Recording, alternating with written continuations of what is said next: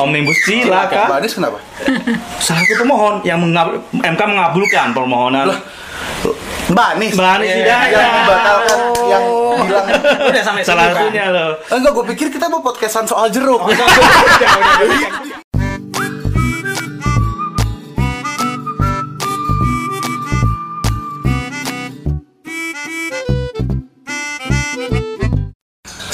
Selamat pagi, selamat siang, selamat sore, dan selamat malam. Kapan dan di mana pun kalian mendengarkan dan menyaksikan podcast ini. Dan kembali lagi bersama Hamburger Podcast by HRWG Bersama Yeay. gua Jess. Daniel Awigra Ardi Rosyadi. dan iya aku senang banget ya. Yeay. Finally, finally, finally. Eh, Mbak Anies Hidayah. Woi, kita sampai jalan jauh banget tapi ini pasti akan nggak bakal sia-sia Eh, kita walaupun kita jalan jauh dan Ya. cukup macet di Sawangan tadi ya. Bukan tapi cukup, Mas. Sangat Pak. Sangat. Jess, ngapain lo? Nah, Nggak ada Mbak Anies lo. eh, iya enggak Ini gua lagi baca-baca berita Yang itu loh, yang gue nggak habis pikir aja yang soal berita soal Mahkamah Konstitusi itu loh Nah. yang apa katanya yang ngomong bahwa Undang-Undang Cipta Kerja itu dibilang inkonstitusional Exactly, persis. Dan kenapa kita jauh-jauh dan gue sangat senang Ah. gara-gara ke tempat Mbak Anies Hidayah. Mbak Anies adalah salah satu pemohon bagaimana undang-undang Cipta Kerja Cipta Kerja. Ciptaker atau namanya apa?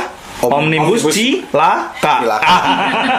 kenapa Omnibus Mbak Cilaka. Anies kenapa Salah satu pemohon yang mengab- MK mengabulkan permohonan Lah, Mbak Anies Mbak Anies Iya. Hidayah. yang membatalkan yang bilang Udah sampai Salah satunya loh. enggak gue pikir kita mau podcastan soal jeruk Udah, udah, udah pegang juga. Lu udah pegang juga. ternyata ternyata soal bagaimana ceritanya akhirnya Mbak Anies Dalam menggugat, care dan migrant care memohon memohon Ya. ke judicial review. oh gitu ceritanya iya iya iya iya Di samping iya. ya. Ya. Di samping Iya, di samping Ini aja. Anies di rumahnya Mbak Anies, kok kamu di samping ya? nah, sekarang dari Mbak Anies dulu, Mbak Anies, eh, terima kasih sudah nge-host eh, hamburger, hamburger collab sama Migrant Care. Semoga barusan gimmicknya bagus ya. Nanti bisa diulang.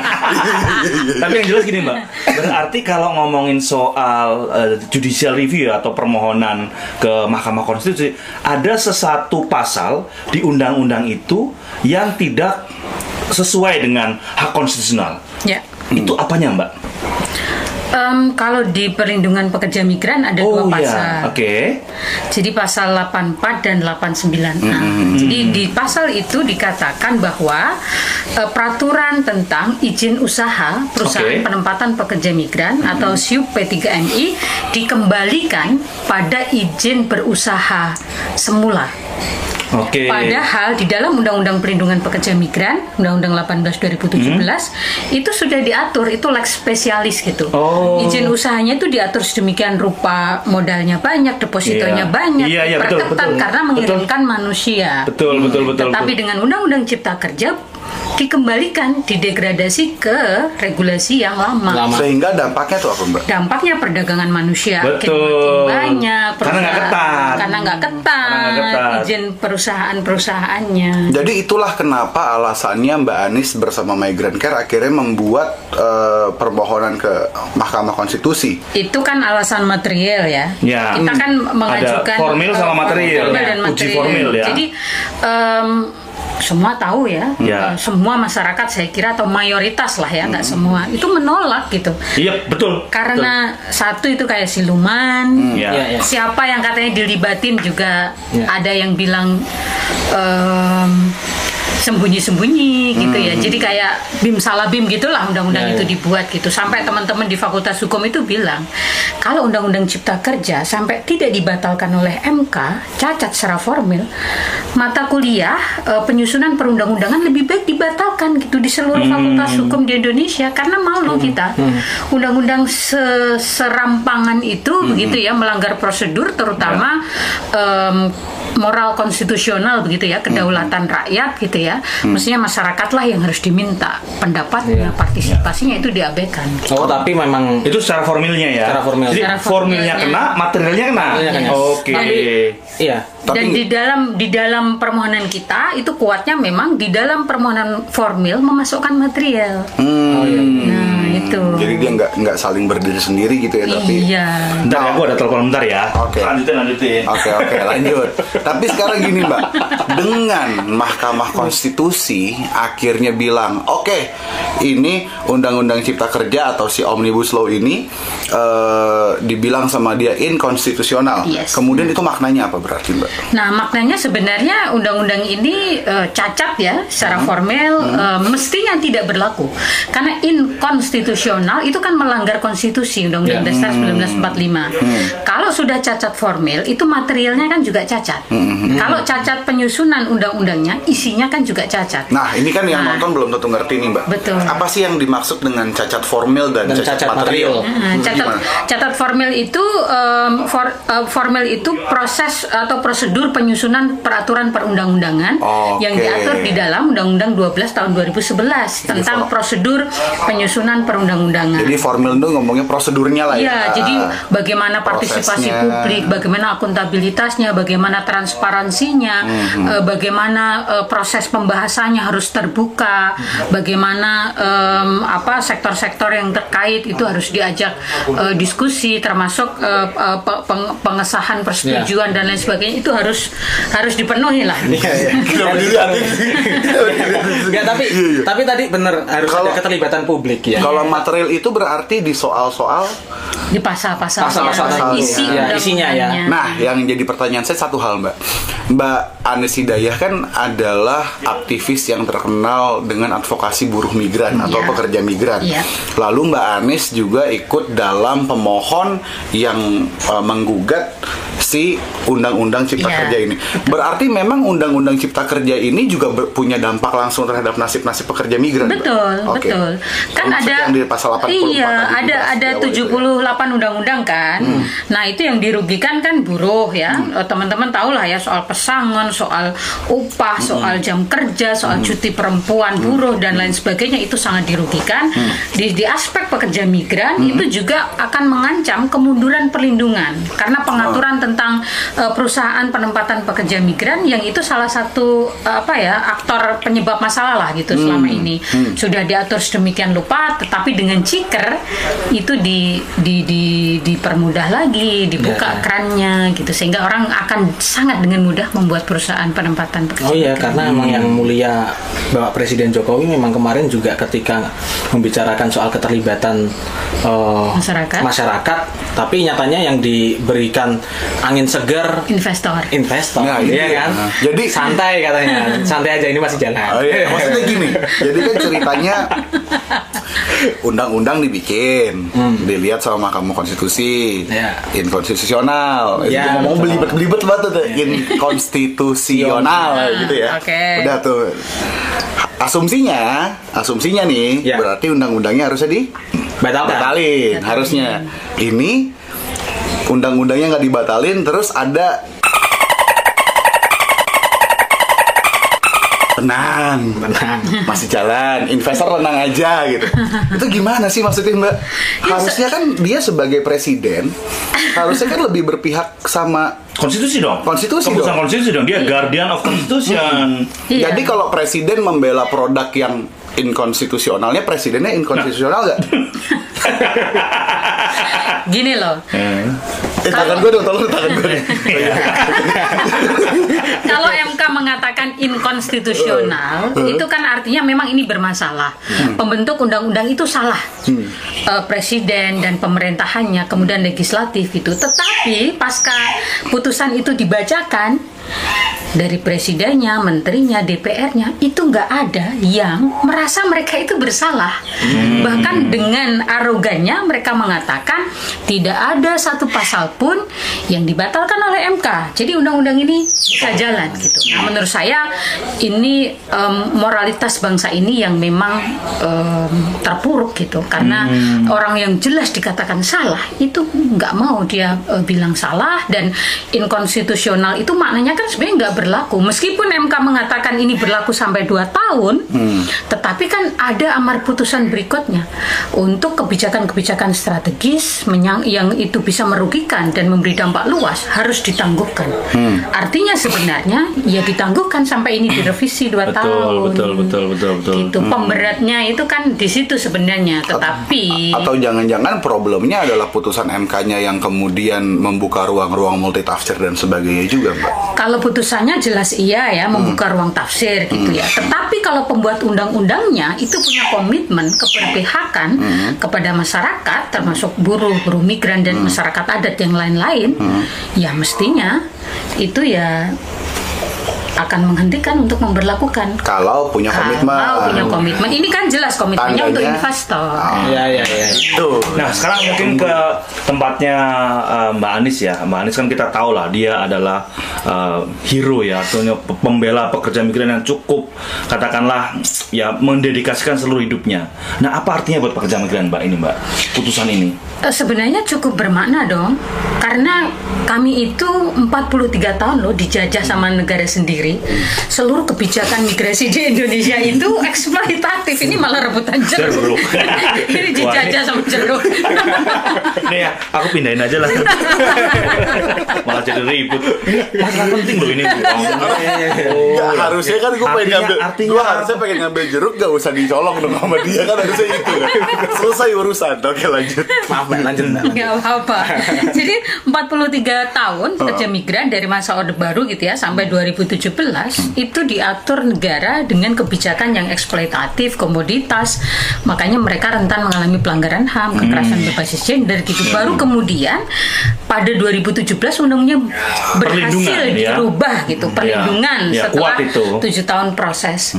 Eh, Tahu-tahu. tahu-tahu kita baru nafas sedikit eh, perusahaan mengajukan GR waktu itu ke MK ya mereka keberatan dengan syarat-syarat undang-undang itu mereka kalah gitu. iya iya Kemudian ininya dicabut lah siupnya sekitar 126 perusahaan.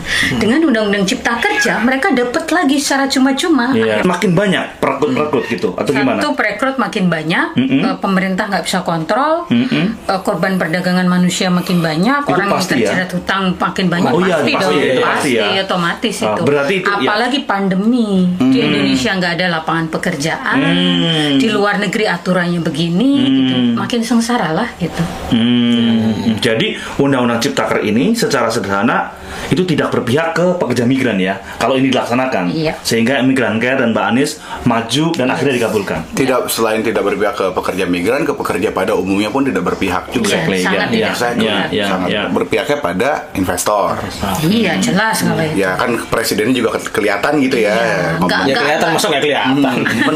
Mana sih? Mana sih? Itu kayaknya anti banget sama investor ya. Bukan. Soalnya ini kan problem yang serius.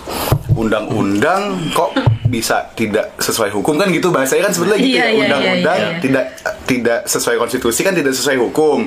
Masa produk hukum tidak sesuai hukum kan masalah yang bahaya. Eh presidennya muncul-muncul investor tenang loh. Yang ditentangi kita Yang- dong. yang Bukan investor dong investor. harusnya dong. Betul, Iya kan? Ini presiden rakyat atau presidennya? Emang investor Investor kan juga rakyat. Oh iya. satu persen. ya gitu. Tapi Mbak Iya, iya, iya. eh, ngomong-ngomong ini kan eh, Mbak Anies selama ini apa namanya eh, ber- bekerja ya, mendedikasikan hidupnya ke isu pekerja migran. Sebenarnya kalau balik ke eh, pekerjaan Mbak Anies atau pilihan katakanlah keterlibatan Mbak Anies itu apa sih yang melatar belakangnya sampai Mbak Anies kok bener-bener kekeh ya, gigih gitu ya. Yang melatar belakangi Kita em, cerita lah ya. Cerita. Secara personal nih, ngomong lagi di rumahnya kan, ngaji. Ya. Udah makan jeruk banyak Udah ya? makan. Udah makan siang juga dia. Kurang berkati. Iya, em, saya dulu aktivis mahasiswa kan. Nah, eh, rajin ikut diskusi gitu dengan teman-teman buruh, teman-teman perempuan, eh, dan terhubung juga dengan teman-teman eh, yang mendiskusikan isu buruh migran di Jember gitu. Nah, pada saat itu eh, saya cukup kaget sebenarnya. Oh, ada ya masalah buruh migran gitu TKI dulu istilahnya sebesar itu gitu. Nah, Pak- nah kemudian saya baca waktu itu zaman Orde Baru kan jarang ya berita Iya. nggak sebanyak sekarang lah. Soal gitu. pekerja migran ya. Iya. Jadi saya baca eh, koran gitu ada pekerja migran asal Jember korban perkosaan dari Saudi, keluarganya nggak mau terima gitu dia nggak dapat keadilan segala macam. Nah itu kemudian seperti melemparkan saya ke masa kecil. Oke. Kampung saya dilahirkan di satu kampung di Bojonegoro, Bojonegoro. Yang mayoritas masyarakat kami itu pekerja migran. Saya dulu main gitu sama anak-anak yang ibunya bapak ibunya adalah, ya, ya, di, ya. di luar negeri Ya, gitu. ya, Jadi ya, ya. mereka tinggal sama kakek neneknya. Saya masih ingat musik-musik dulu yang di style gitu ya di sekitar ya. rumah saya tape-nya gede sekali. Itu lagu-lagu Malaysia gitu. Nah, itu Hmm. itu rumah eh, pekerja migran yang bekerja di Malaysia gitu lagu-lagu Arab. Jadi saya seperti dibawa ke suasana Oh, oke. itu. Lalu kemudian ya saya mempelajari gitu ini apa ya masalahnya Oke. gitu. Dan saya melihat oh ini persoalan struktural gitu. Oke. Saya pelajari, saya tekuni, akhirnya saya merasa saya terpanggil untuk memberikan Membela, kontribusi iya, lah. iya, iya. Saya kemudian bergabung sama Solidaritas Perempuan Jawa SP, Timur ya, waktu ya, itu. ya. Kalau nggak ada ciker, Mbak, permasalahan apa yang paling berat dialami pekerja migran? Kalau nggak ada cikar permasalahan paling berat em, hukuman mati. Terus juga baru rilis kemarin ya satu Iya, temuan ya. satu Nanti kita report. Boleh, boleh, boleh. ya gitu Terus terus, ya, ya, terus kemudian itu saya di SP iya. eh, terus skripsi saya waktu itu juga soal buruh migran melanjutkan Iya. S2 tesis saya juga soal buruh migran migran. soal hukuman mati Eh, terus saya bersama-sama waktu itu dengan Mas Wahyu tahun 2004 mendirikan Migrant Care Care. 2004. 2004 Tapi tandanya gini, Mbak. Maksudnya tanpa adanya cipta kerja, tanpa adanya undang-undang ini pun sebetulnya permasalahan soal pekerja migran di Indonesia pun sudah Masih banyak cukup Mbak. banyak. Oh, juga, juga. Iya. sudah banyak dan sedang diselesaikan dengan undang-undang yang baru yang gitu undang-undang PMI 1817. Undang-undang PMI. Ya. Nah itu kan upaya negara kan untuk hadir menyelesaikan gitu setelah berpuluh-puluh tahun. dikelola sama eh, Tapi agensi lah. Dua tahun kemudian, ah kayaknya capek deh bikin aja undang-undang baru yang lebih bikin kacau gitu kali ya, kurang lebih gitu ya. Wah ini kok beres? Loh ini kok beres? Jangan dong. Gitu. Nah, tapi yang dari Masa kita jadi negara yang baik? Jangan dong. Kita bikin balik lagi dong. Dari seluruh perjalanan tadi sampai ya sangat personal ya uh, study yang kemudian remind masa kecil dan teman-temannya kemudian juga mendedikasikan lah dari studi maupun kerja profesional ya mendirikan organisasi pendamping dan apa namanya advo- advokasi ya pe- pe- pekerja migran di Indonesia. Kemudian apa maknanya Mbak Anis ngelihat kemenangan ini bagi Mbak Anis? Hmm, sebenarnya ini kemenangan rakyat. Oke. Ke- ke- Migran Care itu kan hanya ini saja pengantar gitu. Ya, Karena sebenarnya ya. semua orang itu kan pengen pengen undang-undang ini dibatalkan. Iya. Jadi menurut saya inkonstitusional itu milik rakyat gitu. Karena Hmm. semua orang sebenarnya menolak, tetapi satu mereka mungkin eh, untuk menuju ke JR tidak tahu caranya, tidak Ya. punya modalitas, juga belum tentu aksesibel untuk mereka, Hmm. macam-macam gitu. Nah beberapa teman-teman gitu ya seperti Migrant Care itu kan punya cukup akses untuk melawan gitu ya Ya, dengan jalur-jalur ya. konstitusional gitu. Jadi sebenarnya ya saya selalu mengatakan ini kemenangan rakyat gitu karena semua sebenarnya waktu itu menolak gitu. Berarti selama ini kita buat undang-undang kayak nggak ngerasa diwakili ya Mbak ya? Orang undang-undangnya nggak mewakili kepentingan rakyat. Iya. Nah, nah, sekarang Jess kamu Yo nggak tahu kok tanya saya. Emang dia rakyat. Nggak tahu. Kan gitu aja enak pokoknya kalau Tapi kan- wakilnya sudah kaya kok di sana. Balihonya kan di mana-mana. Iya. Ya. kepak sayap kebonekaan itu. Aku tahu sayapnya sekarang ternyata bukan untuk itu. Itu yang badannya gini loh, kayak sayap tuh. Nah, kemarin jadi apa tuh? Jadi apa? Yang saya gede banget badannya itu. Gak ngerti aku nih. Oh, nggak nih ya. ya. Jok, jok, jokesnya nggak di ini, nggak di nggak dikomunikasikan dulu. Sorry mas, jokes eh, Serpong sama jokes Jakarta Timur. Lihat aja yang kayak gini loh yang Rumeng di Depok. Nah, tuh. Ntar kita masukin di di videonya ntar ada tulisannya ntar ada keluhnya lah. Apa itu? Apa, apa itu? Kepak sayap sayap yang mana tuh? Tapi ya Ya itulah. Terus setelah ini kemudian apa yang kira-kira bisa dilakukan nih Mbak untuk menyikapi eh, untuk menyikapi sikapnya pemerintah yang seperti itu? Sikap ngaconya pemerintah yang Iya, seperti iya. itu gitu. Eh, pertama eh, mungkin kita akan melayangkan eh, surat ya. Hmm. Jadi paham nggak sih dengan putusan MK ini? Ini, ini ada potensi melanggar hukum gitu. Eh, Presiden dengan jajarannya gitu ya me- membaca putusan MK. Yang kedua em, kalau ternyata gitu ya eh, sejak awal statementnya saja sudah investor bunyinya gitu nggak nyebut buruh buruh migran masyarakat adat yang lain-lain ya kita mengajukan gugatan PMH gitu perbuatan melawan hukum pembentuk undang-undang yang sudah dinyatakan inkonstitusional tapi nggak patuh gitu. Yang ketiga ya mungkin penting juga meminta fatwa kepada MK yang mengeluarkan putusan itu gitu. Diksi-diksi yang menimbulkan multitafsir gitu ya. Kebijakan yang strategis itu gimana penangguhannya itu berlaku surat atau tidak dan lain sebagainya itu Ya. kita mintakan fatwa tapi ke MK tapi itu nunggu dua tahun ya mbak? Enggak ya Em, enggak dong enggak ya yang revisinya yang harus dua tahun Revisinya dua tahun. iya Revisinya itu ke satu pasal atau ke seluruh undang-undang, Mbak ini? Seluruh keseluruhan undang-undang. dong Keseluruhan. kalau kalau Uh. cacat formil itu seluruh seluruhnya itu kan ya. cacat Formil, ya, ya. Kalau formil, Iya. Karena prosesnya. bukan materialnya Iya. tapi formil. Materialnya juga ada tadi. Iya, iya, tapi yang Iya. diputuskan itu yang Iya. sisi formil. Formilnya, ya, ya, ya. Jadi Iya. kalau prosesnya salah undang-undangnya kan salah Iya. Iya, iya, iya. berarti ini secepatnya MK juga akan bisa memberikan bukti-bukti pelanggaran apa aja ya mbak Ya belum ter- tergantung kan. Kami kan baru akan mengajukan uh, permohonan uh, fatwa gitu ya. Ini ini maksudnya yang ini apa? Biar multitafsirnya ini bisa nggak- lah enggak enggak Iya. tambah buat lagi Iya, nggak tambah ruwet gitu Nah. loh. Iya. Ya, gitulah. tambah tambah ruwet emang Ini udah saking ininya ya. Di satu sisi kita merasa ada kemenangan. Iya. ya optimistis saja kayak Pak Optimis, presiden iya. Masalahnya, jangan hopeless gitu dong masalahnya gimana gue bisa di- bisa optimis yang disemangati Pak Presiden kan investor, bukan gua. Nggak disebut sih. Gak disebut, Ente gak disebut. Investor tenang saja gitu, bukan hamburger podcast tenang saja kan enggak. Enggak, enggak. Investor. gitu. Ya, Oke. Oke, Jos. jos banget. Aduh, kita bisa ngasos sebentar nih. kita lanjutkan muter-muter Eh, ke atas ya. Ke kebun. Ya, ke kebun dulu.